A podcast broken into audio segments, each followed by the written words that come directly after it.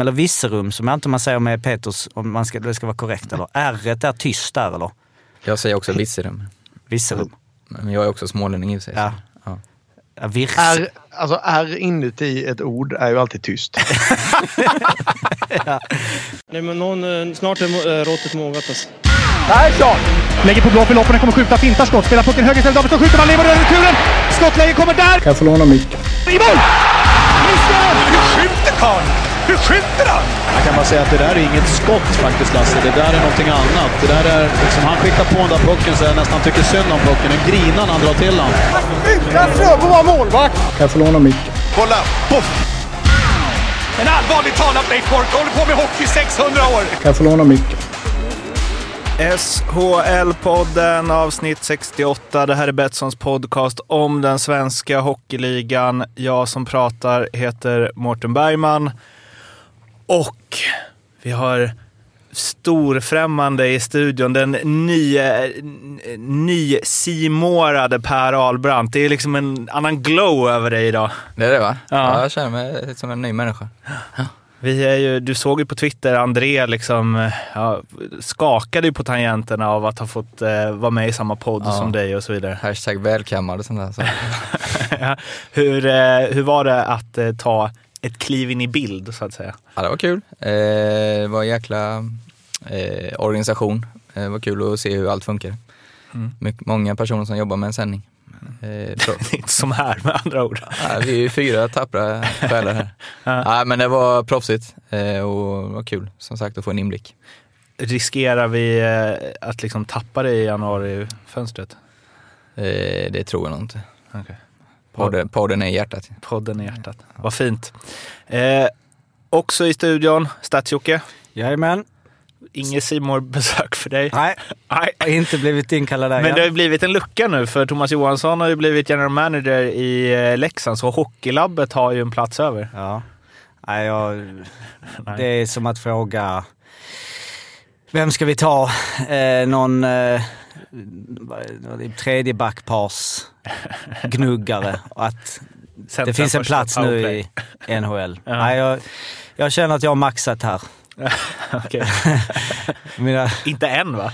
nej, nej, kanske inte att jag har maxat så, men jag känner att eh, nej, Det här är din inga nivå och drömmar, ambitioner om att sitta i andra, andra, i andra eteriska Nej. Kanaler och eh, prata statistik. Plus att en väldigt stor fördel med att sitta här är ju att man kan ha sin dator framför sig och det är inte man behöver eh, kunna allting utan man kan lite småfuska.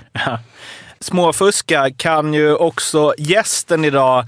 För han skulle varit eh, här i studion men är istället med via Skype med en, eh, ja, vad var han som mäktiga grejer har han där att spela in med. Peter Sibner, hjärtligt välkommen till eh, SHL-podden på distans. Tack så mycket. Tack så mycket. Ni väljer ju att spela in på Södermalm och där får man inte köra med dubbdäck längre. Så att, eh, jag upptäckte att det hade inte gått att ta sig dit under några som helst omständigheter i alla fall. Så att, eh, men jag sitter bra hemma i min studio. Jag hoppas att ni ska höra mig. Det gör vi. Jag har ju liksom tagit på mig en eh, retro Vancouver Canucks-tröja dagen till ära för jag tänkte lite NHL-feeling när du skulle komma hit och så. Och det- det är väl lite med NHL kopplat som gör att du inte eh, ja, fick, fick ställa in med kort varsel idag. Ja, det är så här. Jag håller på att försöka ta mig till eh, Amerika och måste samla in fruktansvärda mängder, dokument från olika typer av myndigheter och eh, banker och det ska flyttas hus och katter och barn som ska ha nya pass och grejer. Så att, eh, ja, det är full fart på dagarna här nu så jag får jobba på kvällarna istället. En, ytterligare en smålänning som utvandrar. Precis, det har vi gjort sedan 1800-talet så att det är inga konstigheter med det. Det känns som det var lättare då. Eller i alla fall vissa grejer. Jag vet inte, jag, Resan jag tror att detta är, det är nog, var nog besvärligt att åka båt till eh, Amerika. Tror du inte det? Ja, i och för sig. Kanske. Eh, men eh, för de som inte har koll på Peter Sibner, eller Peter Sipen som Fimpen sa igår när jag berättade vem som skulle vara gäst idag. Han- Det är lite- första gången jag hör den. Inga likheter i övrigt. Är det inte? Eh, Nej, jag skulle tro att han och jag är de två mest diametralt motsatta människorna i hela världen. Förutom klädstilen. det, det hade varit kul om ni eh, bytte image för en dag. Vi, jobbar, vi jobbar med helt andra modecykler han och jag. Han, han är en sån här som har på sig grejer som kommer hett på modet om fem år och jag har alltid samma kläder. Och en gång var 20 år är jag trendig som fan. Eh, Men vad, vad, eh, vad, ja, för de som inte har koll på dig, vad pysslar du med till vardags? Du, jag är eh, affärsområdeschef för media på Everysport Media Group. Eh, jobbar väldigt mycket redaktionellt med eh, hockeyn. Har ju skrivit en hel del på Hockeysverige genom åren. Eh, jag har också varit chefredaktör för Pro Hockey nu de senaste två åren och dessutom så drog vi alldeles nyligen igång eh, en, en nyhetssida eh, som heter EP Rinkside som alltså är en, eh, en avknoppning av Elite Prospects som vi också driver. Så att man skulle kunna säga att jag basar över Hockey-Sverige, Elite Prospects, eh, Svenska fans och eh, tidningen Pro Hockey. Så att det är väl mitt bidrag till eh, hockeyvärlden. Tror du skulle säga, jag basar över Hockey-Sverige. Punkt. Eh, ja, det, det är ju ett väldigt mäktigt namn. Vi hittade på det en gång i tiden för tio år sedan. Eh, För ehm, vi hade ju din kollega Uffe Bodin här som gäst nyligen. Han eh, puffade ju lite då för EP Rinkside som inte hade släppts än. Hur har mottagandet varit? Du, det har varit jättebra. Det är riktigt kul att driva en hockeysajt på engelska och eh, vår inriktning, alltså vi har ju talangfokus. Eh, vi är ju ett varumärke under Elite Prospect så vi tänkte vi skulle rida lite grann på det. Så att vi skriver egentligen om de spelarna som eh, ännu inte har tagit sig till NHL eller åtminstone är nya i NHL. Så att eh, vårt extra fokus ligger ju naturligtvis nu då på JVM och draften kan man säga. Det är ju två ständigt pågående eh, intresseområden. Eh, intresset för junior och collegehockey i Nordamerika är ju helt otroligt och eh, eh, ja, Sverige är ju ett av de absolut bästa exportländerna av hockeytalanger just nu så att vi har ju fantastiskt mycket duktiga svenskar som kommer upp. Så att, Eh, men vi skriver om prospects från hela världen så att eh, vi har haft ett, fått ett jättefint mottagande. Vi har haft mycket väldigt duktiga skribenter som har anslutit till sajten. Eh, Jag och Uffe skriver ju en del men vi har också killar som Dmitri Filipovic och Patrick Williams, Aaron Vickers, Julie Robenheimer och eh, fler stora namn ska det väl bli är tanken. Jag är ute på en liten värvarturné här nu så att eh, eh vi får hoppas på det bästa. Det kommer ju inte bli så mycket NHL-snack i den här podden idag, men lite eh, övergrip eller saker som gäller egentligen alla ligor. Med, vi ska prata en del eh, huvudskador och eh, hur man kommer i ordning till det. Men vi ska förstås också prata en del SHL med eh, framförallt Örebro och tränarbytet där i spetsen. Men vi ska, det vi kommer komma fram till lite, det kan man ju, för er som har läst eh, Sport, Sportbladets granskning så det är mycket eh, utländska spelare som är inblandade i att utdela tacklingar som leder till huvudskador. Men vi ska också ha lite positivt snack om i alla fall nordamerikaner va Jocke? Ja, jag tänkte ju att eh, eftersom eh, vi har eh, Peter med oss, Fimpen, han ville veta vilka lag som värvar bäst nordamerikaner.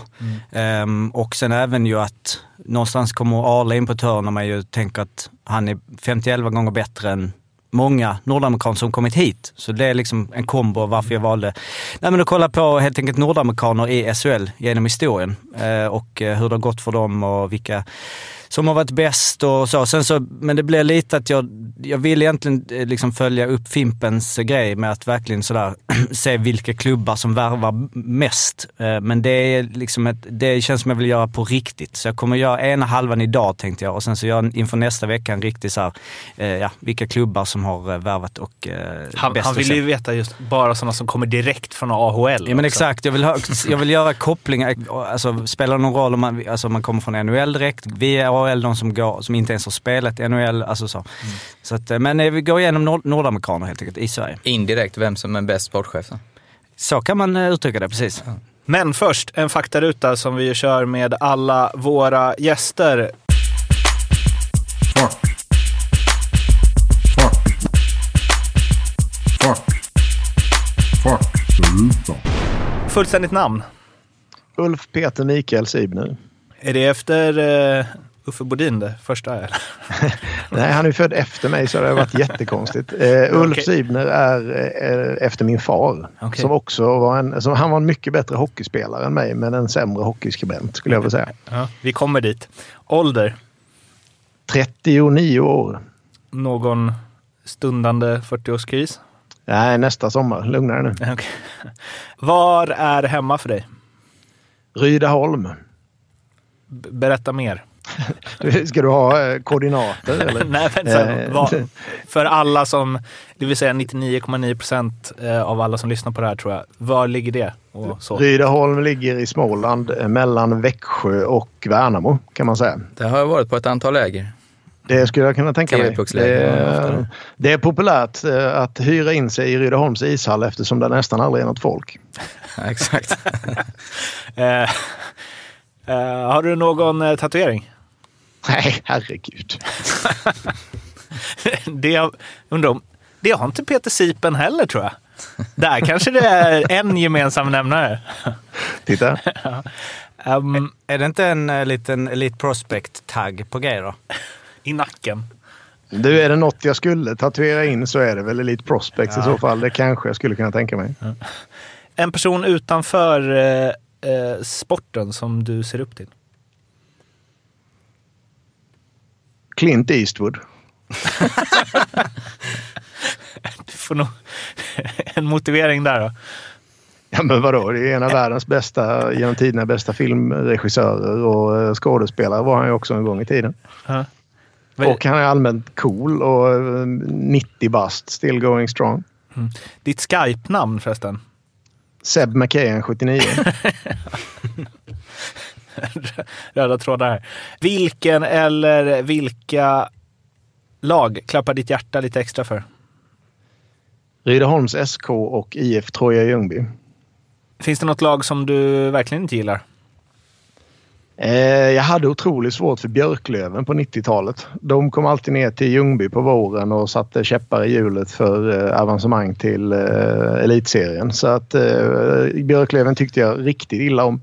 Men nu har jag lärt känna ganska mycket trevligt folk från Umeå och sådär så att nu, nu är det inte så starkt det där längre. Jag hade jättejobbigt för Västervik också nu här i, i, i några år men, men sen blev jag god vän med Jocke Englund där, eh, gamla Brunkabacken i Västervik så att nu har jag lite svårt att tycka illa om dem också. Tingsryd då? Det var ju när jag spelade Troja var det ju värsta man visste.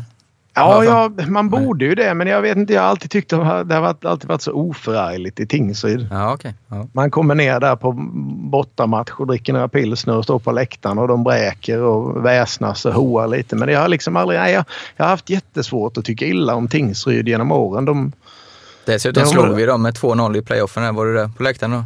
Det året jag var där. ja, herregud. Ja, det var kul.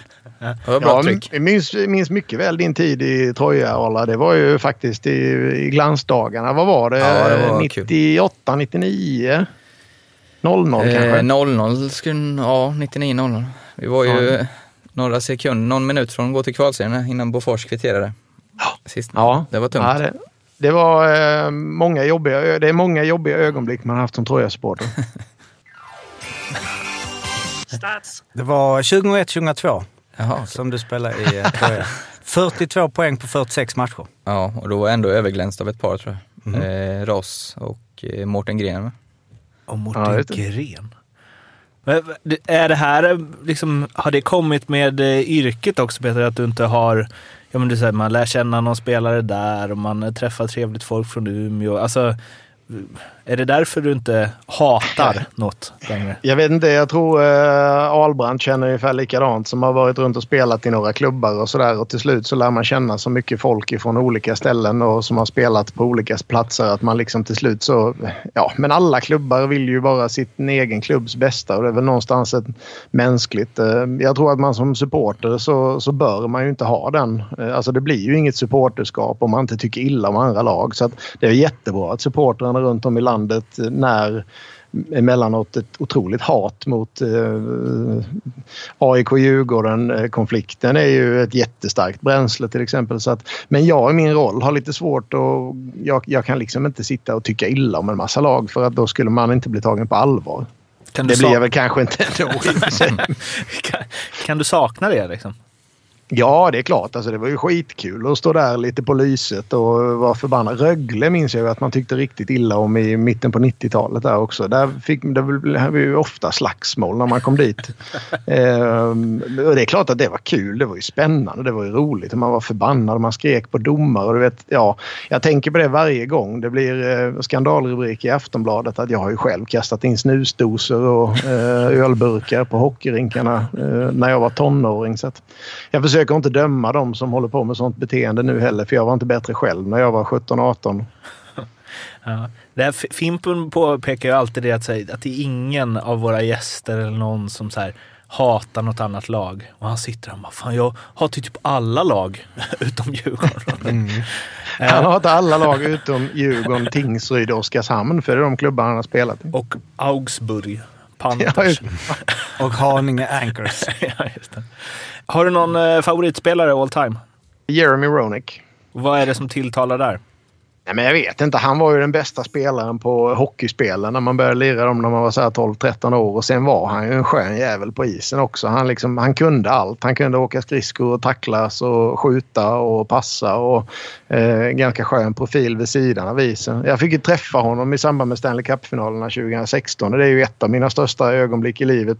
Näst efter mina båda barn då. Så att eh, ja, nej men Ronick är ju en stor idol. Eh, det finns ju många sådana. Jag har haft många idoler i och för sig. Men, men framförallt Ronick. Vad sa du när du träffade honom? Eh, ja, det var ju skitproffsigt där. Vi stod där mitt i bland... Det, alltså det var ju hela brasset var ju där. Alltså alla kända hockeymänniskor i hela världen. Tv-reportrar och eh, journalister och gamla spelare och allt möjligt. Och Jonathan Lindqvist tar tag i mig och säger Hör du, där är Ronick. Nu har du chansen. Så jag får ju upp där i min kostym och eh, gick fram och sa eh, till honom ungefär så här. Eh, ja, JR, jag vet det här är inte särskilt proffsigt men du har alltid varit min stora idol. Skulle jag kunna få ta en bild?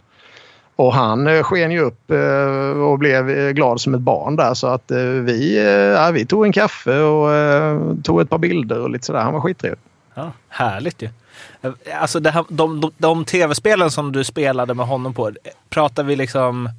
När är det här? 95? 96? Nej, herregud. 90, eh, julen 92 kom det första. Eh, NHLPA 93 till Sega Mega Drive. Då satt jag hos min morbror i Jönköping en hel helg och spelade tv-spel med min kusin. Och där någonstans fostrades mitt stora NHL-intresse. Jag var inte jätteintresserad av NHL innan dess, även om jag alltid har varit intresserad av hockey. Men eh, NHL har ju varit den stora grejen sen dess egentligen kan man säga. För att jag funderar lite på det där, för de första jag spelade var väl 94, 95. där. Alltså, och jag kommer inte ihåg, men var alla... Du sa att han var bäst på det spelet. Jag har för mig att, all, att det liksom inte fanns någon skillnad på spelarna då. Ja, fast du var ju också ett år vid den tiden, eller? det var, alltså för nu är ju så här, det, det är ju stor skillnad att spela mot Crosby eller jo, någon som det- har 70 i ranking. Så var det ju inte då, eller? Jo, det var en Ja, det jätte, var det. framförallt fruktansvärd skillnad då. ju. Jaha, okej. Jag trodde du bara... Ronic var rankad, han hade 95 och en spelare som Shane Sherler hade två. Och han rörde sig knappt framåt på isen. Så det var, det var helt omöjligt att spela med, om det var Tampa Bay han var i vid tillfället, som dessutom var ganska nya i ligan då. Eh, så att han var helt omöjlig att spela med. Så att, eh, hade du ett lag med en bra första femma så körde du alltid över ett sämre lag. Mika Nieminen, jag spelade mest elitserien, kommer ihåg. Mika Nieminen hade väl typ 98. Ja, Mika Nieminen var bäst på det spelet. Ja, han ja, han var det. Center i Luleå. Ja. Och kunde få en direktpass in från skuggan och så bara small mm. Och så Strömberg på andra kanten. Just det. Ja. Alltså, jag minns bara de här spelen att man kunde, dels kunde man lobba från egen tekningscirkel och så gled pucken mellan benen på målvakten. Om man, om den liksom. Mm. Och sen så blev det alltid mål om man åkte runt eh, tog köksvägen. Ja, sneakmål. sneakmål, det fick inte vi göra. Det var förbjudet. De räknas inte. En tanke där eh, Albrandt nu när jag ändå har dig på tråden. Jag har faktiskt tänkt att ställa den här frågan till, eh, till en riktig hockeyspelare många gånger. Hur känns det första gången man håller ett tv-spel i sin hand där man vet att man är med på spelet? Ja, jävligt coolt. Det är inget att sticka under stolen. det är häftigt alltså. Och så blir man ju nyfiken på vad man har för ratings. Ja, jag tänker det. Blir man inte sur då när man liksom spelar i Sverige där alla spelare alltid har haft skitdålig ranking jämfört med NHL-spelarna och så vet man du som liksom så här, fan jag är ju stjärna hemma i Sverige, jag kan inte ha 70 liksom. Ha, ha, har du koll på din, dina Nej, din jag, jag började, jag slutade rättare sagt spela. Jag har aldrig haft intresse tyvärr så jag har inte spelat. Men jag har ju sett mig själv sådär men inte... Det var segare än den eh, tidsepoken, då lirade jag mycket men sen eh, avtog det tyvärr.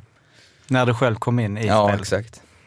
Annars hade du kunnat göra den som så här Bjärsmyr och eh, Wernbloom gjorde. De värvade sig, de spelade fotboll manager, så satte de sig själva i Real Madrid och Barcelona. Ja. Och så blev de tvungna att spela med varandra. Och den som vann var den som hade liksom bäst stats av de två. Okej. Jag hade en deppig jul eh, 96 när jag spelade NHL 96. Kommer jag satt själv i mitt... Jag hade inga kompisar då. Jag hade kompisar normalt i, i mitt liv, men just då hade jag inga kompisar. Och bara åt såna här fingers, så chokladfingers som min pappa hade fått flera lådor till garaget. Så bara satt jag åt dem, spelade Sverige eh, och gjorde de här lobbmålen. Bara mot datorn hela tiden för att jag skulle få så många jävla poäng som möjligt med så här Foppa, Aztek bak och så var Lidström drog en lobb. Vann med 70 Bara spelade det en hel jul. Det var deppig tid alltså. Och underbar, men... Ehm, Det kanske förklarar varför eh, Albrandt eh, som eh, låg och gnuggade på gymmet eh, som 14 år gammal vid samma tillfälle eh, spelade proffshockey i 15 år och nu sitter på Simor. och vi, och vi inte Så kan det nog vara. Precis. Jag verkligen inte gör det. Jag älskar den beskrivningen, låg och gnugga på gymmet. Det, det är väl inte hela sanningen. Men jag köper det. På tal om eh, ja, våra, e-, eller egen hockeykarriär då. Hur såg din egna hockeykarriär ut? Du, den var katastrof. alltså den var så dålig.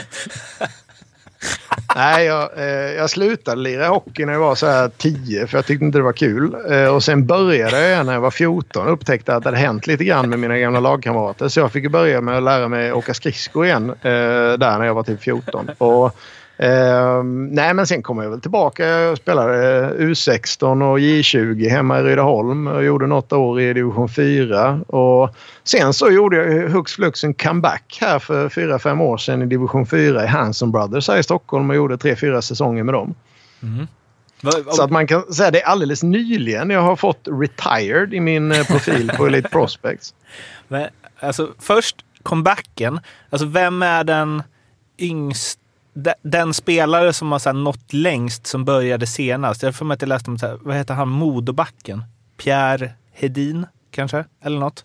Att han började spela hockey när han var 17. Nej, det kan inte stämma. Det kan inte stämma. Men han kanske åkte, han kanske spelade bandy innan ju. I, I Övik. Bandy.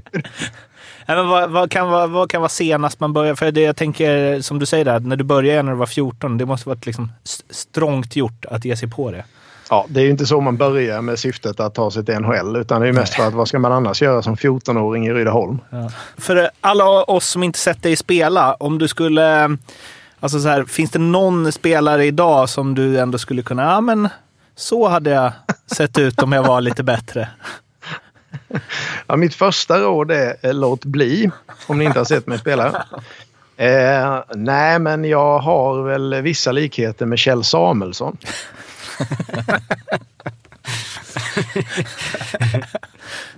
Okej.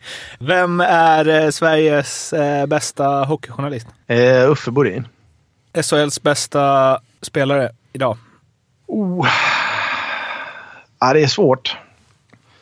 Hade du, hade du frågat mig förra året så hade jag nog faktiskt sagt... Eh, ja, då hade det varit rätt lätt att säga Elias Pettersson. Men bortanför Elias Pettersson så har jag faktiskt sagt Robert Rosén. För jag tycker det är så underbart att den spelartypen fortfarande funkar i, i, i svensk hockey. En eh, smart men inte alltför snabb center som både kan skjuta och som har ett fruktansvärt underbart spelsinne.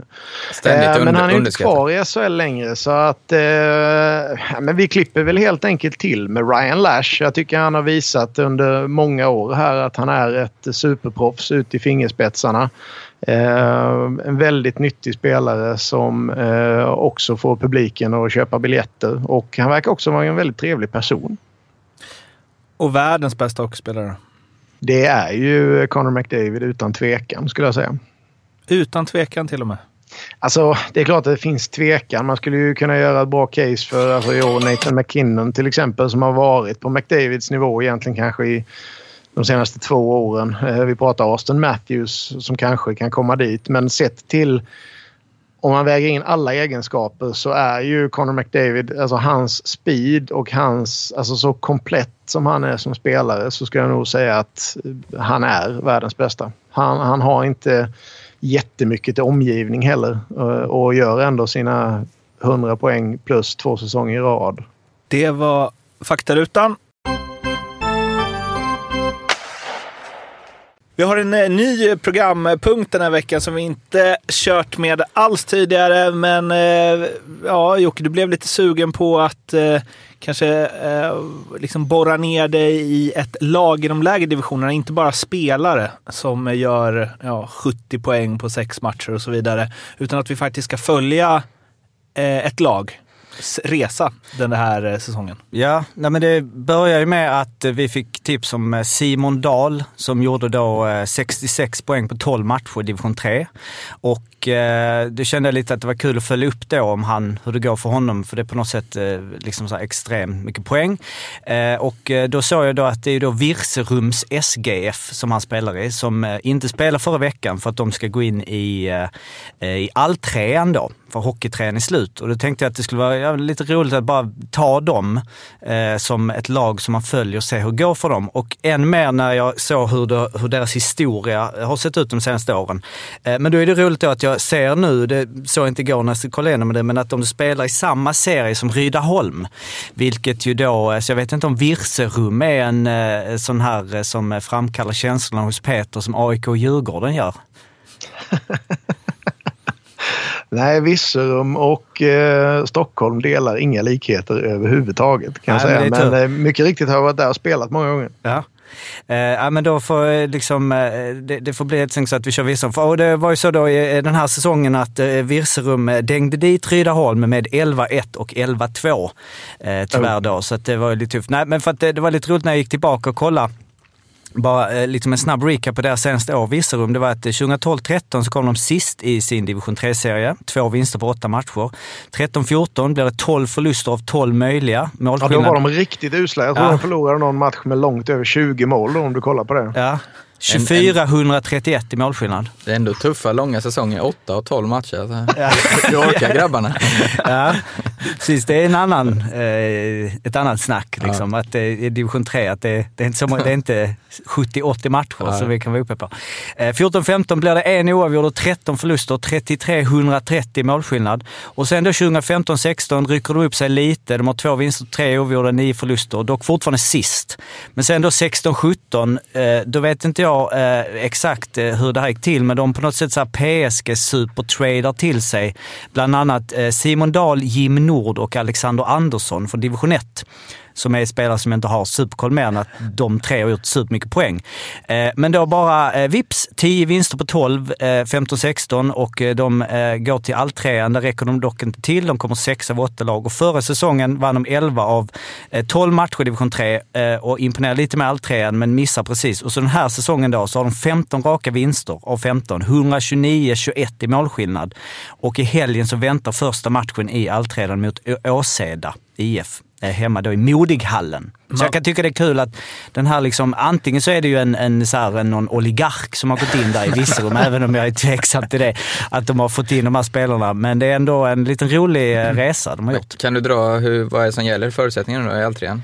Det vi pratade om förra ja, veckan lite. i alltrean så är det ju eh, så att det är de två bästa lagen i A till F i Hockeytrean går in i två stycken alltrean, södra A och B, där det är då tio lag i A och tio i, äh, åtta lag i B. Där, äh, all, där äh, Virserum tillsammans med bland annat Trelleborgs IF, mm. som ju, ja, och ähm, Nej, men då är det att de fyra bästa i alltrean går in i ett kval där de fyra hade ju det uppe här nu, fan också. Topp fyra som gäller all tre. Precis, topp ja, exakt. Ja. Topp fyra. Och sen efter, och förra, för, för, för, två år sedan så missade de det, då kom de sexa. Förra året kom de till fyra och då åkte de ut i kval.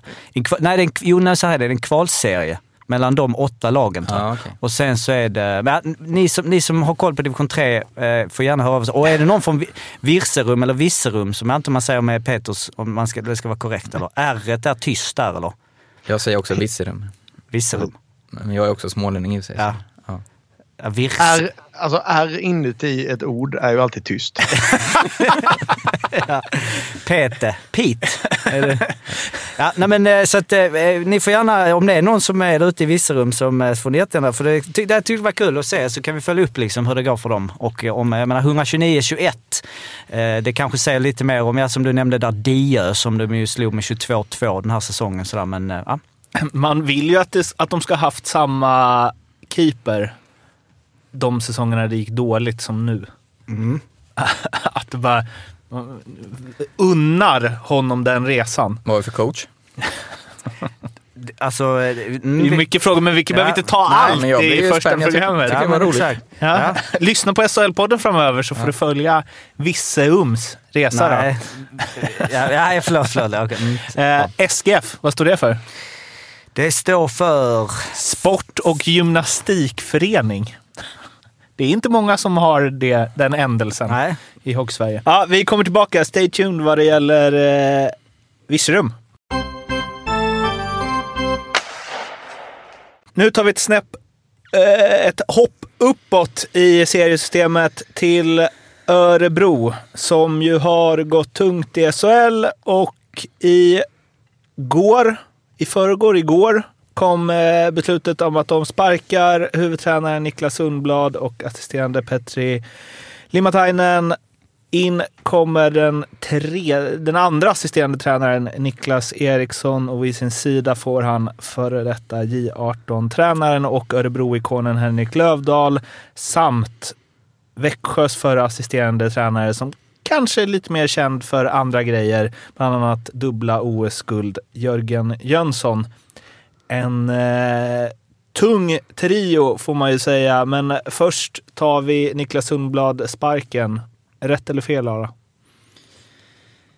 Eh, Örebro har ju varit en gåta för mig de senaste åren. Jag tycker man har haft ganska bra lag på pappret men de har ju inte fått till det. Eh, tränarkarusellen har ju varit enorm. Eh, trodde man ju då när han kom in, nu ska det styras upp eh, lite, eh, träna stenhårt om det var det som var felet men eh, han har inte heller lyckats.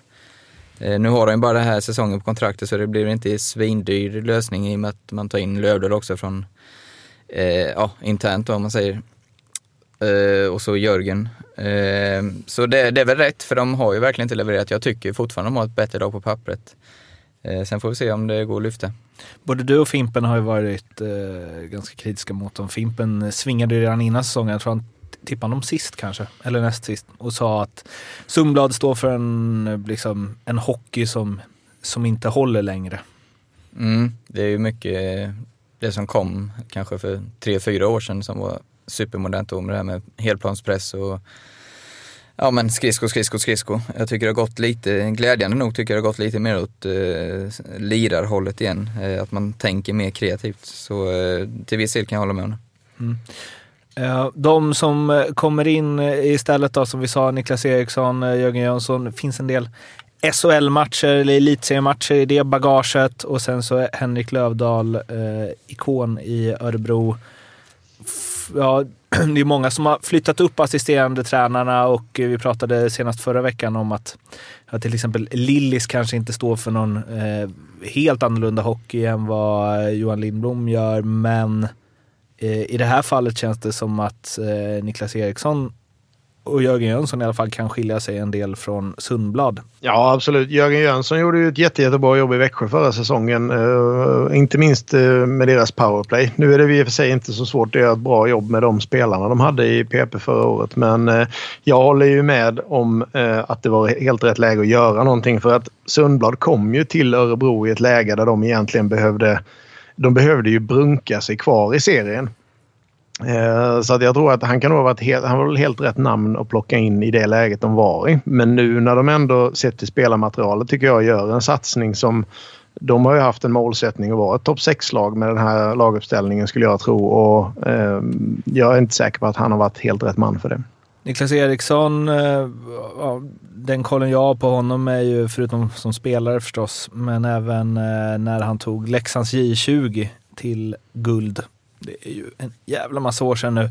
Eh, men han tränade även A-laget där, var ju väldigt populär bland spelarna, kanske inte fick de resultaten på seniornivå som eh, han hade önskat, men eh, väldigt populär framförallt bland de yngre spelarna.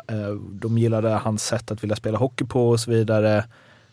Och det var väl lite det jag var inne på, att han och Sundblad kanske inte tänker helt likadant. Eh, ja, jag ska vara ärlig nog säga att jag kan inte så mycket om Niklas Erikssons tränaregenskaper så det känns lite oproffsigt att sitta och uttala sig. Men eh, jag, om man går på det du säger så, så verkar han ju vara en som är mån om utveckling och kanske visar mycket. Unga killar nu för tiden vill ha mycket feedback hela tiden på video och så här. Och, eh, och liksom är mån att de ska både trivas kanske men också försöka hjälpa dem hela tiden. Mm. Eh, och Jörgen känns ju också som en detaljmänniska och kan man styra upp få ett lite mer, eh, ja, bättre powerplay framförallt och kanske lite bättre eh, ja, sammanhållning i grupp, att man, att man känner sig mer som ett lag. Så, så, som Peter sa, tycker jag lagmässigt har man ju ett eh, lag som minst ska spela play-in i alla fall. Mm. Och Sundblad, och han var ju ganska tydlig med det när han kom till Örebro också, att så här, eh, men, gjort många år i Tyskland, ganska tuff ledarstil, Mm. ganska Ja men medans Niklas Eriksson kanske är lite mjukare och liksom bryr sig mer om spelarna eller vad man ska säga. Ehm, utifrån det att, det att det blir en annan ledarstil och kanske en annan approach i hur man tar människor. Eh, alltså har Örebro en trupp som är bättre än så här som kanske bara behöver någonting annat? Eller ligger de där man kan tänka sig? Om du frågar mig så tycker jag absolut de har en trupp som är betydligt bättre än tabellplaceringen. Och där tror jag också att Jörgen Jönsson betyder väldigt mycket för att han är van vid... Alltså han, har, han har varit i NHL, han har gjort nästan hela sin karriär i Färjestad där kraven är otroligt höga. Inte bara på hur man presterar på isen utan hur man tar hand om sig själv utanför isen, hur man för sig i omklädningsrummet och hur man förbereder sig för match och träning. Så att jag tror nog att Jörgen Jönssons inträde kommer att vara ett välbehövligt tillskott i att lyfta liksom kanske proffsigheten och inställningen. Nu, nu vet jag inte om den har saknats men, men det kan i alla fall inte skada att ta in en spelare med den eh, graden av liksom respekt för yrket. Det är ju intressant också med hans bakgrund i Färjestad, alltså just Örebro. Men jag vet inte, den rivaliteten kanske inte riktigt har satt sig på det sättet. Ja, den var väl rätt stark eh, om vi backar eh, när Örebro var heta där, när var det i Mm. slutet av 80-talet va? Men eh, sen har de inte varit uppe på ganska länge så den kanske är försvunnit lite mer. Men eh, också, var, var, var det förra veckan man läste att Jörgen skulle börja på Intersport i Karlskoga? Så man, så man undrar ju spontant, hur går det med den anställningen? det var det jag tänkte med. Det, det, det blev inte många arbetspass innan han insåg att fan jag måste hitta ett riktigt jobb. Men var han, alltså han bara försvann efter guldet med Växjö? Nej, grejen så här var det ju att han, eh, vi- alltså han hade ju familjen kvar i Karlstad och eh, pendlandet till Växjö. Det här funkade väl inte riktigt. Eh, om jag, det var ju vad jag läste mig till och hörde i alla fall att han trivdes ju väldigt bra men, men det funkade inte så bra med att, att bo så långt ifrån familjen och Örebro är ju väsentligt mycket närmare så att det funkar väl bättre. Stats. Med Örebro är vi där igen, precis som HV, när det gäller Corsi. De har ju alltså eh, tredje bäst Corsi eh, i år. De har eh, skjutit eh, flest skott av alla lag. De har skjutit tredje flest eh, oblockerade skott.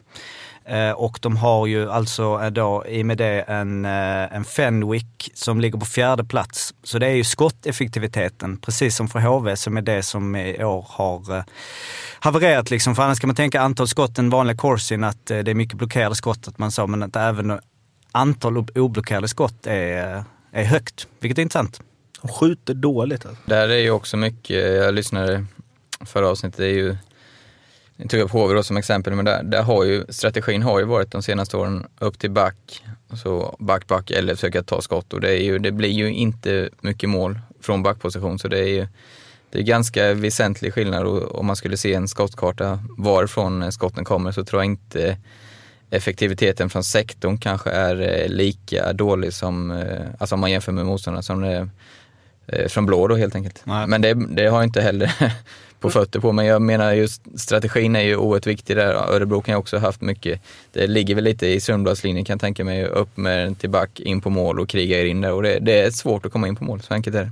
Ja, så, och det där tycker jag också, precis som du säger Per, där, att de, eh, med tanke på spelarmaterialet de har så har de ju bra målskyttar bland forwards. Eh, det kan ju helt enkelt vara en taktikfråga hur man faktiskt, vilka order man har. Spelar man för, mycket back-back så är det klart att det blir ju mycket skott men det blir ju också en ganska dålig skottprocent om man inte tar sig in i sektorn. Så att där tror jag nog ett coachbyte faktiskt kan rätta till den, eh, den biten en hel del. För de saknar inte spelarmaterialet framför kassen tycker inte jag. Det var det om eh, Örebro. Det får vi se om eh, Eriksson, Jönsson, Lövdahl får eh, ordning på det där. Kanske redan till kommande omgångarna. Eller vad säger Arlas speltips? Mina speltips? Ja, jag fick ju lite hybris där efter förra torsdagen när allt gick in, så därför satt ju ingenting i lördags. Trots att Timrå vann mot Örebro, men det var dock efter sadden. Eh, vi går till eh, torsdagens omgång helt enkelt. Och dagens bank blir ju då eh, Växjö hemma mot eh, Timrå. Växjö har ju trampat igång ordentligt, eh, känns mer och mer som det laget förra året. Även om spetsen kanske inte riktigt finns så tar de nu sina poäng i en eh, tät eh, ström. Så eh, de lirar vi som banken. Sen eh, draget har jag Brynäs hemma mot Linköping, en etta tycker Brynäs har imponerat på mig sen eh, Sundqvist tog över. De har faktiskt inte förlorat under ordinarie tiden. Linköping tog en mycket viktig seger och avgjorde med under minuten kvar hemma mot Malmö. Men eh, känslan är att eh, Brynäs tar det där eh, på hemmaplan och vi får 2,19 på det tycker jag är ett bra odds. Sen eh, omgångens skräll då, som vi avslutar med är inte en skräll för mig, men att vi får 3,35 på Rögle borta mot Malmö, Jocke i ett derby som kan sluta hur som helst. Oj, där, händer inte. Där Rögle är, där Rögle är ju, har ju en, eh, förutom någon förlust på slutet, en rykande formkurva. Nysignad Ted Brithén. Exakt, cash in. Eh, och Malmö... På det här spelet eller på Ted Brithén? Ja, på Ted Brithén. okay. eh, där Malmö, som ju inte har legat så bra till statistiskt, även börjat få lite förluster nu. Och dessutom var igår och spelade, nu pratar jag på onsdagen här, eh, i München, så kanske den resan har tagit lite. Så summerat blir det 3.35 plus Rögle blir omgångens skräll tycker jag. Ett, eh, det, det är en öppen match för mig. Så det vi har är etta Växjö-Timrå, den säkra. Mm. Och sen en eh, liten eh, luring i Brynäs-Linköping. Etta där också. Och sen så skrällen, alltså Rögle borta mot Malmö i Skånederbyt, en tvåa. Korrekt presenterat med lite mer, eh, eller vad ska vi säga, är, äh, all, alert än, än förra veckan. Tryck. När du var i Spanien och det lät som du hade en whisky i handen sent på timmarna. Det var hade, en, hade du det? God... Nej, whisky dricker jag inte, men det kanske var något annat. Hallå! ja. Inte konstigt att det blev tre missar den veckan heller kanske.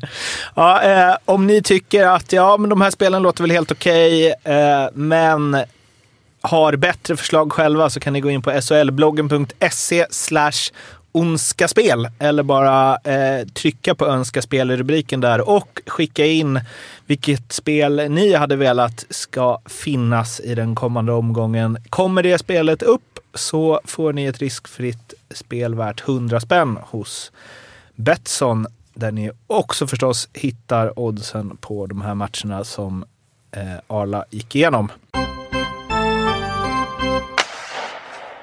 Dagens andra lite större ämne som är aktuellt är att eh, Sportbladet har gått igenom, eh, gjort en granskning på huvudskador och liksom allt som kommer in till disciplinnämnden egentligen. Och jag läser innan till från den artikeln. Det pratas om regeländringar, hårdare straff, bättre utbildning och mjukare skydd för att få ner antalet huvudtacklingar. Disciplinnämndens ordförande Alexander, eller Alexander Ramsey vill sätta fokus på en annan faktor, språkbruket och machokulturen inom ishockeyn. Skriker man jävla fitta på isen, ja, då kanske det är svårt att behålla respekten även i tacklingssituationer. Han har suttit som ordförande i disciplinnämnden under hela den period som Sportbladet granskat avstängningar i allmänhet och huvudtacklingar i synnerhet och han ser inga positiva tendenser när det gäller antalet ärenden som han och övriga disciplinnämnden tvingats hantera den här hösten. Det har inte skett någon nedgång, det kan jag lova. Vi ligger istället 10 ärenden över rekordsäsongen 15-16. Då hanterade vi 240 ärenden där huvudtacklingar var det överlägset största med 57 ärenden. Den här säsongen pekar prognosen mot över 250 ärenden. Huvudtacklingar är fortfarande det klart vanligaste förseelsen som vi får anmälningar om. Vad känner man kring det här? Ja, Eh, det är ju en evig diskussion känns det som. Eh, jag måste säga att jag tycker disciplinnämnden har ju genom åren, eh, de har ju inte funnits så länge faktiskt i det här väldigt offentliga formatet som de finns nu. Jag tycker att de har blivit betydligt bättre i sina bedömningar de senaste åren. Ehm, men överlag så är det väl helt enkelt så här att hockey är ett spel som är väldigt svårt att förändra i grunden. Ehm, att straffa i efterhand eh, är givetvis någonting spelarna tänker på när man har åkt på sin första avstängning på 6-7 matcher och fått 80 000 i böter eller vad det blir. Då är det, ju, då är det klart att man tänker sig för lite nästa gång. Men som helhet så är hockey ett det är så mycket kampmoment och det är så mycket heta känslor och det går så fort att det... Ehm, jag tror att man... Alltså någon nollvision är ju bara korkat att ha. Det, det handlar ju snarare om att titta på enskilda, de allra mest allvarliga förseelserna och jobba bort dem. Och det tycker jag ändå man har tagit ganska stort grepp omkring huvudtacklingen börjat göra. Men att det blivit ännu värre den här säsongen? Eller prognosen visar det? Ja, fast det är också en fråga om anmälningsbenägenhet och hur mycket, man, eh, hur mycket ärenden man väljer att plocka upp och hantera. Alltså, jag skulle säga att eh, nio av de nio av tio grejer som ligger hos disciplinnämnden idag på 90-talet så hade det ju kanske inte ens blivit en tvåminutersutvisning. Ja. Jag har två saker jag skulle vilja ta upp där. Ett är ju, jag har fortfarande inte varit i en klubb där, där tränarna eller sportchef eller någon från styrelsen kom in innan säsongen och och verkligen säger nu grabbar, nu, nu tänker vi oss verkligen för. Eh, nu lägger vi ner de här, eller vi gör inga satsningar. Alltså ser du en motståndare som inte är beredd, sikta inte på huvudet, liksom, sikta inte på att sänka honom. Det har jag fortfarande tagit med om. Man har hört, utåt låter det mycket bra att det är inget vi uppmuntrar. Det är klart man inte uppmuntrar, men samtidigt så är det ofta, jag skulle vilja ta ett tydligare ställningstagande internt där. Eh, och två är ju, jag såg i helgen här eh, på Twitter, tror det var Sanny Lindström som la ut en tweet, eller en sån GIF som heter när eh, Jocke Rodin eh, hoppar undan. För han, jag tror det var Patrik Norén i Skellefteå han kunde sänka mm. och valde att inte göra det. Och går man in och kollar kommentarerna där så är det ju, det är ju nästan övervägande som tycker att han gjorde fel. Liksom. Hur, fan, hur fan kan han släppa förbi han där?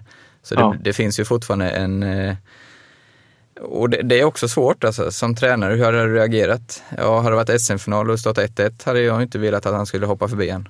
Eh, att han skulle låta han gå. Mm. Om han glider in där och sätter den i krysset? Ja, precis. Det är ingen som kommer ihåg att han visar respekt. Eh, så där har vi också en diskussion. Det låter mycket men att vi måste få bort det, men hur är det verkligen när det drabbar sitt eget lag om man tar av sig, eller tar av sig inom färgade glasögonen. Eh, skulle man vilja att eh, sitt eget lagspelare eh, gör så som Rodin gjorde och det var någon på Rahimi tidigare där han gjorde så på Oskar Sten, han, han kunde också smälta honom. Så det, en, eh, det måste komma från, från grunden så att säga, inte bara floskler utåt.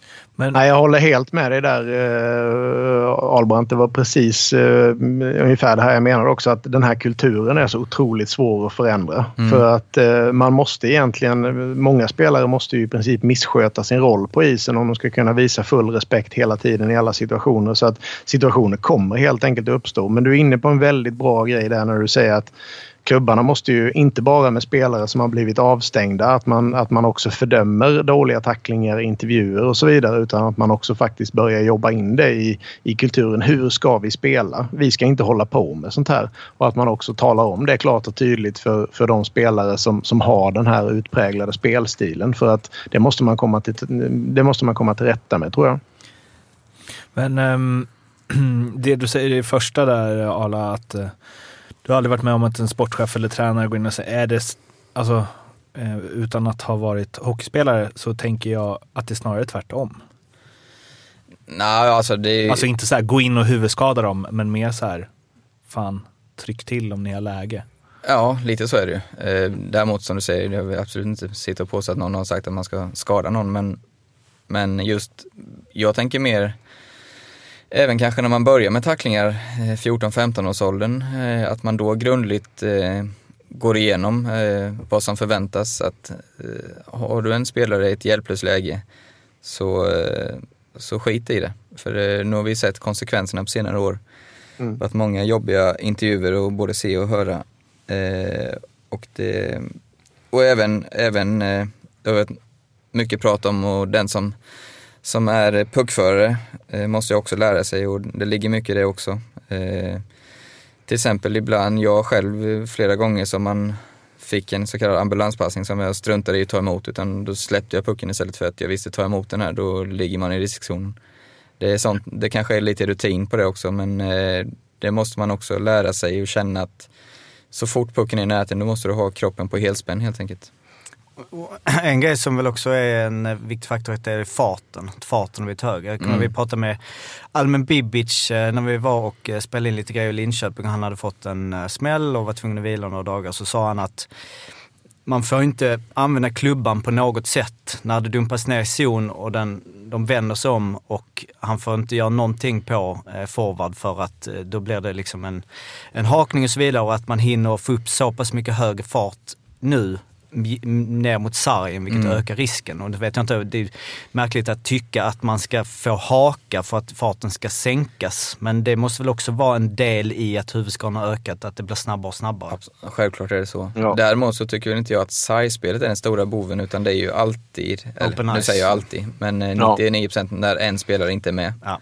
Så det är ju open ice eh, som du säger och, och eh, det är där, eh, och då blir det ju mycket mer upp till den som tacklar.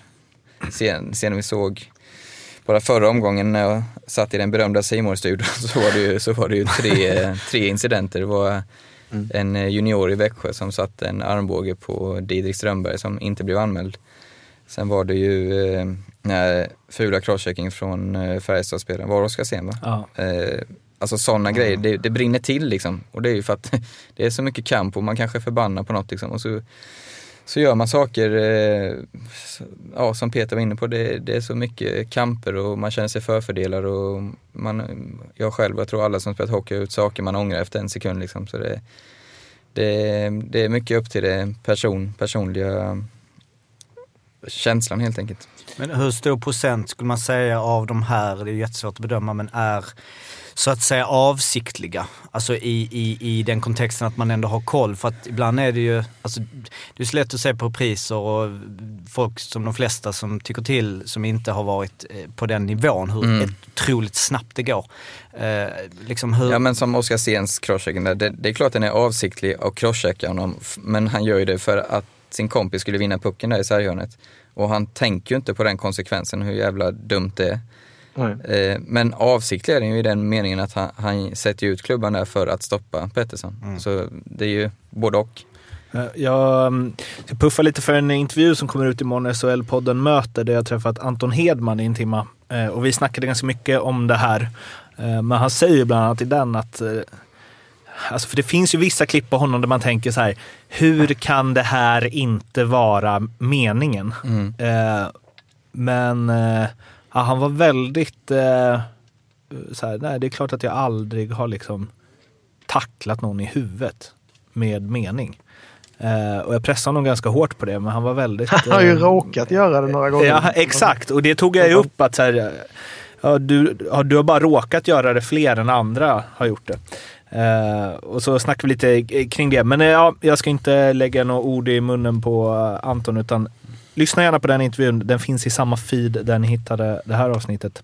Men en del av den här granskningen då som Sportbladet har gjort är ju också att eh, utländska spelare har eh, fler eh, avstängningar och så på sitt eh, samvete. Jag läser till igen. Eh, Sportbladet har i en rad artiklar granskat det stora problemet med huvudtacklingar som finns inom svensk hockey. Granskningen visade att sedan 2013 har det i SHL och Hockeyallsvenskan delats ut 341 huvudtacklingar som har registrerats och straffats. Antingen via matchstraff och avstängning eller via 2 plus 10 minuter. I SHL har disciplinnämnden stängt av spelare vid 103 tillfällen för just huvudtacklingar. Straffen har varierat från, från en match upp till nio matcher och en närmare titt på siffrorna visar också att de så kallade importspelarna är kraftigt överrepresenterade. Av de 103 avstängningarna har inte mindre än 42 stycken av de straffade haft utländskt pass eh, eller i procent 40,78. Snittsiffran i antalet utländska spelare i SHL från 2013 fram till idag är 23,6 procent. Vad beror det här på, tror ni?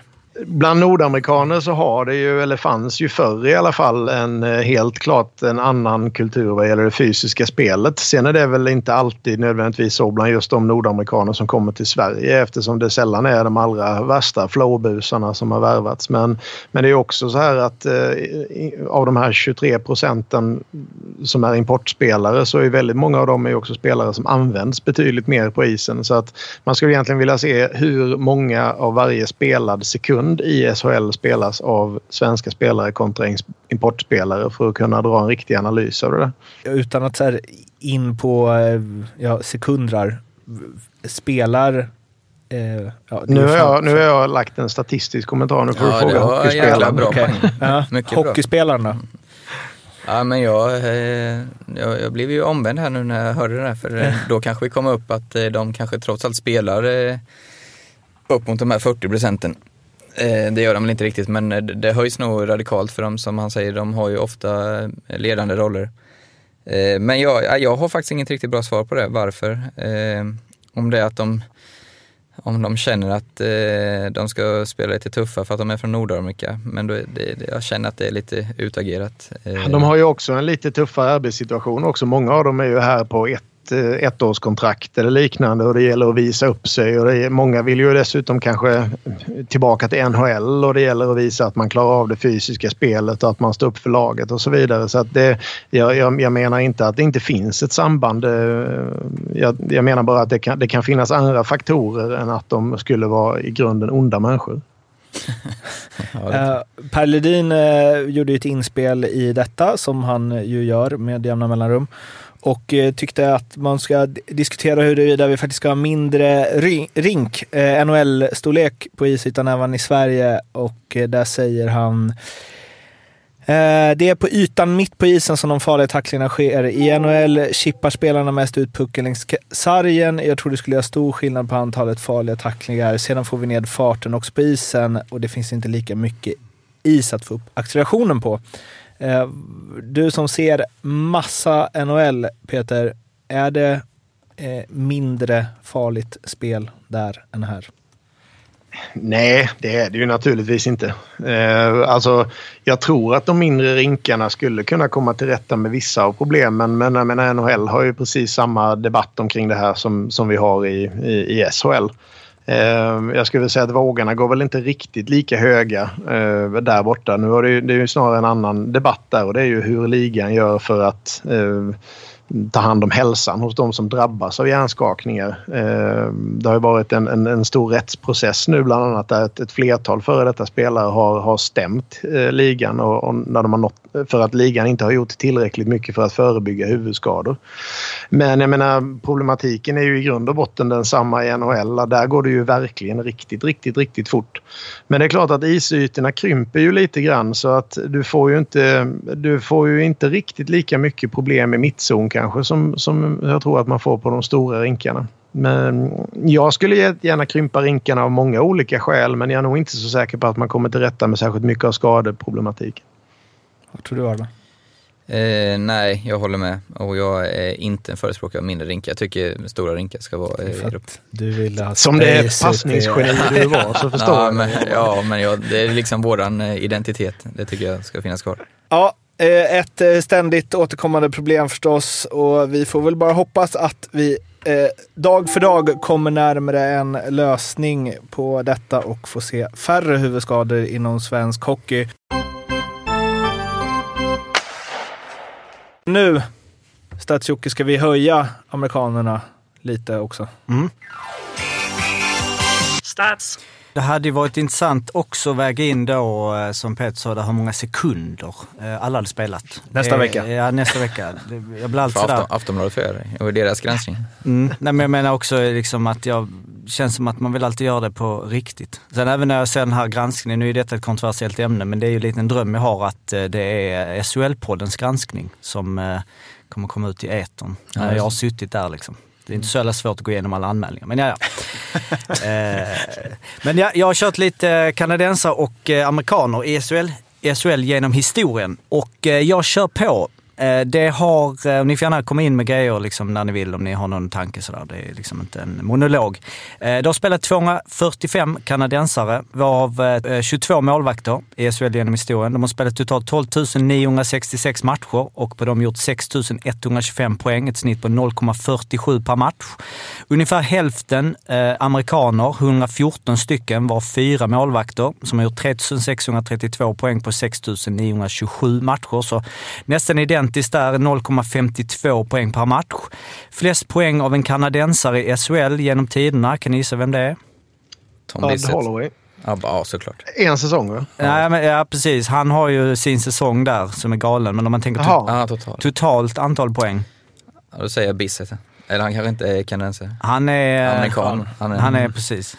Eh, kanadensare? För du har rätt. Han är bäst eh, amerikan och Ja. också bäst eh, nordamerikan.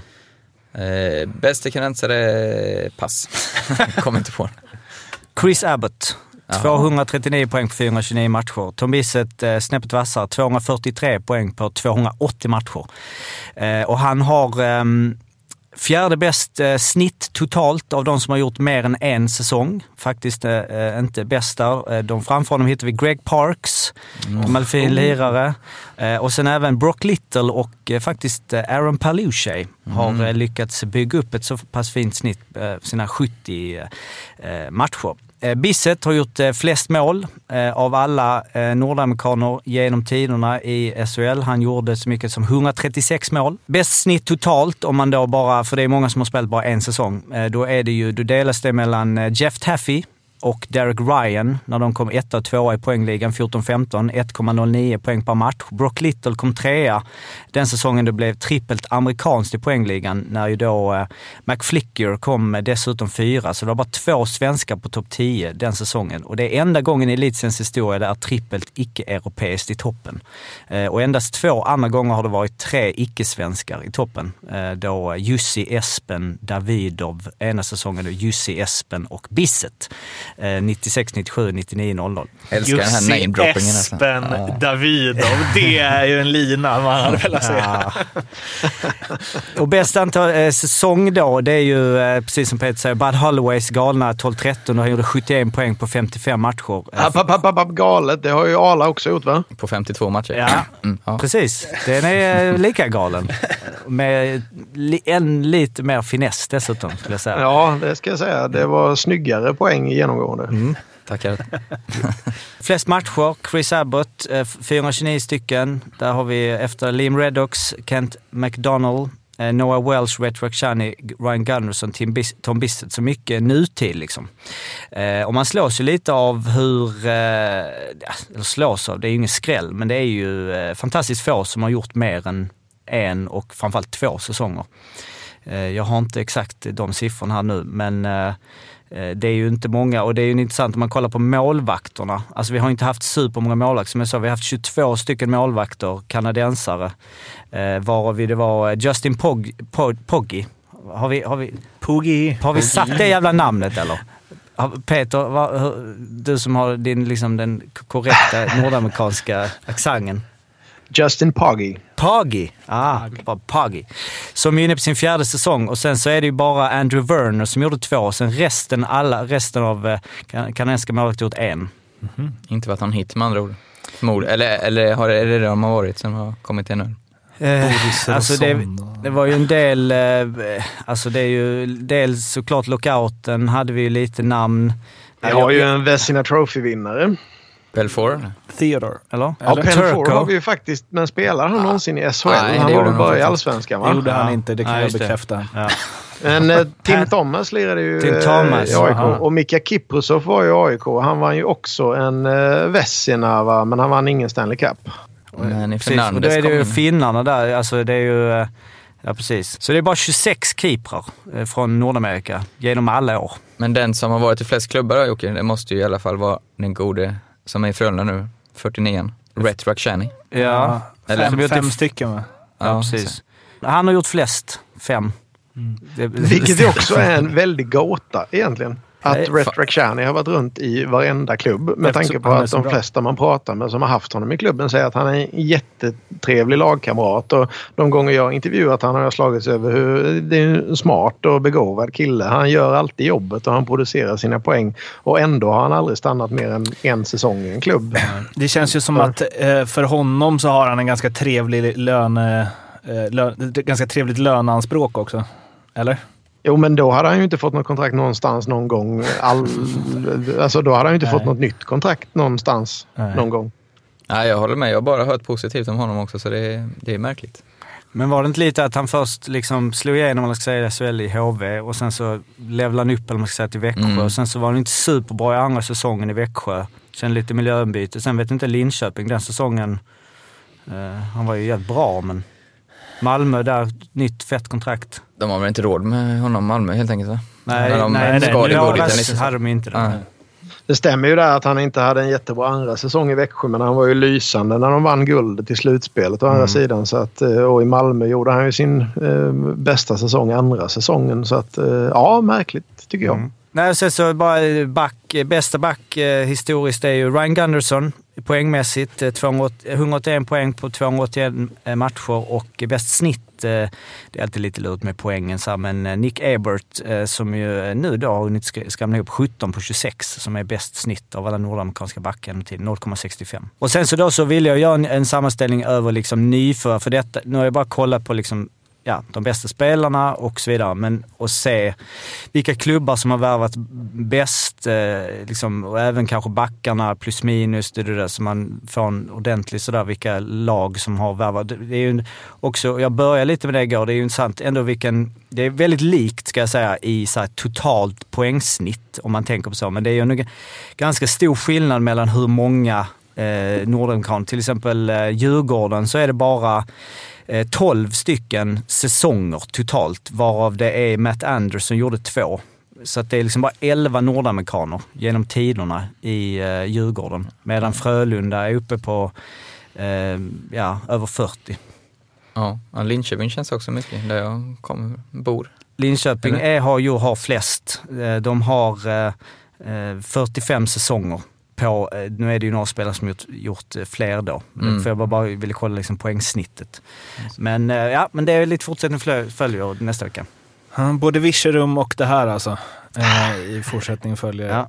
Men ja, du kan väl bara ta det vidare, för vi brukar ju avsluta med ett quiz och ja, Fimpen kunde ju inte komma nu och vara med på det här quizet som han så gärna ville. Istället så är det quizmästaren Ala och ja, Sibner, hur är du på quiz? Han känns vass. Det är så Albrand. Medan ni, du har varit upptagen med att spela hockey jag har ju fått sitta på läktaren och titta på. Då hinner man läsa på fruktansvärt mycket under tiden. Ja, Jocke. Mm. Take it away. Ja, det är ju alltid eh, liksom ångesten att eh, har- man har gjort för lätt. Och nu känns det som att vi har två, ja, kanske till och med tre vassa. Eh, vad känner du där Bergman i det här sällskapet? Nej, nu är jag... Nu, alltså det var mycket skönare när det var Fimpen och Oliver Boom. Då kände jag mig mycket tryggare. när de inte ens tog eh, Marcus Turesson på R... Vad, vad, var det, vad var sista? Vad var tvåan där? På Turesson? Ja. det var ju dels att han jobbar som, eh, vad jobbar han som VD eller sport Ja, VD. eh, i Rögle. Och sen så även eh, röd, jag tror till och med jag sa rödhårige Marcus. Ja, och de satte den inte. Nej. Där. Ja. Men det, det känns som det kommer bli något annat nu. Jag hoppas att du inte tagit någon spelare som har gjort någon form av juniormatch i ett småländskt lag under hållit. 80-talet, för då, då jag har hållit mig jag där. borta från det. Ja. Men eh, då är det eh, quiz eh, och Peter, då är det lite så På spåret, eller ish, där vi kör 10 till 2 poäng. Så jag kommer ge ledtrådar 10, 8, 6, 4, 2 och det är som spelar vi söker och när man tror att man vet vem det är så ropar man sitt namn och sen så håller man den spelaren för sig själv och vi vi litar på att man inte ändrar sen när det kommer fler ledtrådar. Alright, 10 poäng. Backen startar karriären i Enköpings SK, där han debuterar i division 2 som 15-åring. Efter ett stopp i RA73, elitseriedebuterar... Niklas Hävelid. Nej, men du ska... Ja, det skulle jag säga också. Var det rätt? Det skulle jag också säga. Det var helt rätt. Men det, ja, det var ju... eh, Vad skulle man sagt? Du skulle Ja, ha sagt skulle ditt namn och inte avslöja förrän vi läste igenom allt. Ja. Nej, det var kanske aningen eh, oklara Men, instruktioner. men där. skitsamma, hur Ja, det- kan de ta det? Alltså, jag har ju spelat med honom. ja men vad fan! Nej. Och jag bor nästan i Enköping. Nej, snyggt. Jag hade, också, jag hade nog tagit det på sex. Det brukar ju så att man läser igenom, men jag kan inte läsa igenom alla. Nej. Liksom. Jag ska se om du tar den på åtta då. Ja. För jag kände, jag, vet inte, om det kan, jag, jag kände ju definitivt att det var för lätt. Eller liksom, jag kollade på åtta poäng och tänkte att det här är för lätt, men jag menar, de tar det på RA73. Ja. Men åtta poäng. Det blev sju säsonger i AIK i såväl elitserien som allsvenskan som division 1 under större delen av 90-talet. Under sista säsongen 98 debuterade han i Tre Kronor som 25-åring. Innan karriären är slut har han vunnit ett OS-guld och ett VM-guld. Ja, det hade jag tagit lätt. Nej, grymt. Grattis eh, Peter och eh, Per. Alldeles för lätt. Ja, kul. Kul med quiz. Ja, eh, i alla fall så vill ni ha mer quiz så lyssnar ni förstås på nästa avsnitt av SHL-podden också. Vill ni läsa Arla eller André som eh, ställde in sin brändheta lista den här veckan, eller vi ställde in den, så är det shlbloggen.se som gäller. Ni når oss på Twitter, at SHL-bloggen eller at Statsjocke om ni vill snacka Virserum och statistik. Peter, om man vill ha mer av dig, då var det ju Vill man det nu efter detta, den här timmen? Då kan man gå ner och titta på hockeyträningar, Bålsta, ishall. Inte så länge till. Eh, Då kommer man att besöka mig i Tampa dit jag flyttar eh, förhoppningsvis nu om några veckor och kommer att eh, fokusera på NHL på nära håll. Eller också så går man in på eprinkside.com och läser mina klokheter där. Vi, SHL-podden kanske gör en avstickare till Tampa framåt våren så kan du få vara med igen Låter inte jättetråkigt. Gärna. Ja, tusen tack för att du ville vara med. Tack ska ni ha! Och eh, tusen tack Arla förstås, som alltid. Tusen tack Jocke, tusen tack mig. Och sen så hörs vi igen nästa vecka. Må gott, hej då! Ha det fint. Hej